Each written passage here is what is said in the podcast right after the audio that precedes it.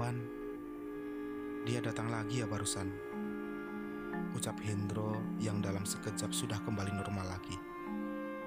Syukurlah, kamu sudah sadar, Ndro. Tadi loh, tatapan kamu itu seperti mau memakanku. Jawabku sembari tersenyum kecut ke arahnya.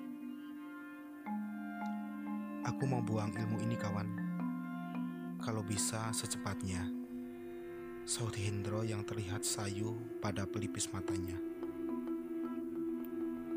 Pada saat bersamaan, keluarga Hendro pun kembali datang dan langsung pada jam itu juga si Hendro kembali ke kampung halaman almarhum ayahku.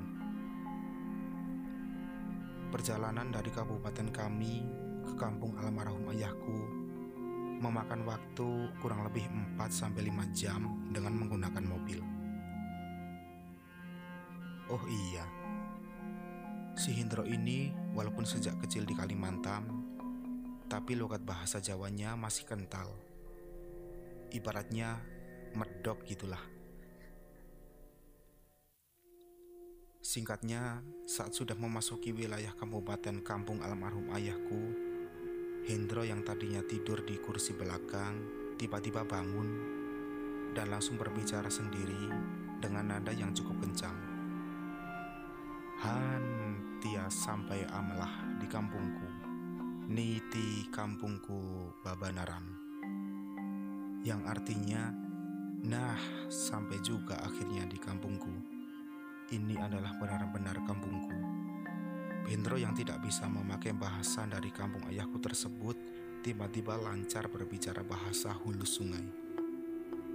Dan iya Hendro saat itu kembali kerasukan namun syukurnya hanya sebentar dan dia kembali tidur lagi.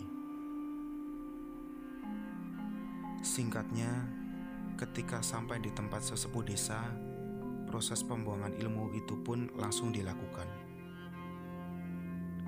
Si Hendro pun kala itu langsung kerasukan lagi dan bilang, Hahaha, aku adalah Pangeran Sukmaraga tidak ada yang bisa mengeluarkanku dari tubuh anak ini. Aku sudah sangat nyaman dengan anak ini. Buluh bariaban tersebut sudah menyatu dengan tulang sulbi anak ini. Dan sepertinya akan susah untuk dikeluarkan. Mungkin bisa keluar, tapi sepertinya jin yang merasuki anak ini susah untuk menjauh darinya kata sesepuh atau kiai tersebut. Proses pun kembali dilakukan hingga beberapa waktu sampai akhirnya si Hendra mengalami muntah-muntah dan muntah itu pun sangat banyak. Singkatnya, proses pembuangan itu pun selesai dan si Hendra pun kembali tidur. Dan semua pun akhirnya pulang ke kabupaten kami lagi. Sebenarnya, proses pembuangan ilmu itu sangatlah dramatis. Tapi saya sedikit lupa beberapa bagian. Karena pada saat itu, saya tidak ikut dikarenakan kapasitas mobil yang tidak muat. Yang ikut hanyalah almarhum ayah saya. Setelah beberapa hari kemudian, si Hendra pun akhirnya benar-benar sembuh.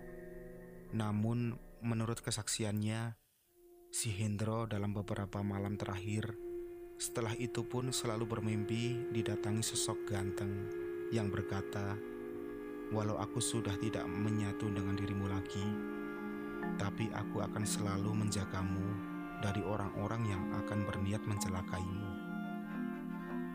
Begitulah salah satu kisah tentang Bariaban atau bulu hantu Bariaban yang terjadi pada teman saya sendiri.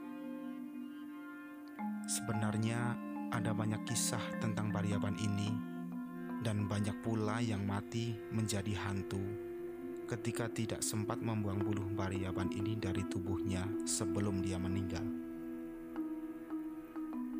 Ada pula yang kepergok memakan ayam hidup-hidup. Biasanya pengguna ilmu ini bisa dikenali ketika mereka sedang melewati hewan ternak seperti ayam ayam langsung lari ketakutan berhamburan hingga mengeluarkan suara yang berisik ketika melihat orang yang menelan bulu pariapan ini. Oke, mungkin segitu saja podcast dari saya.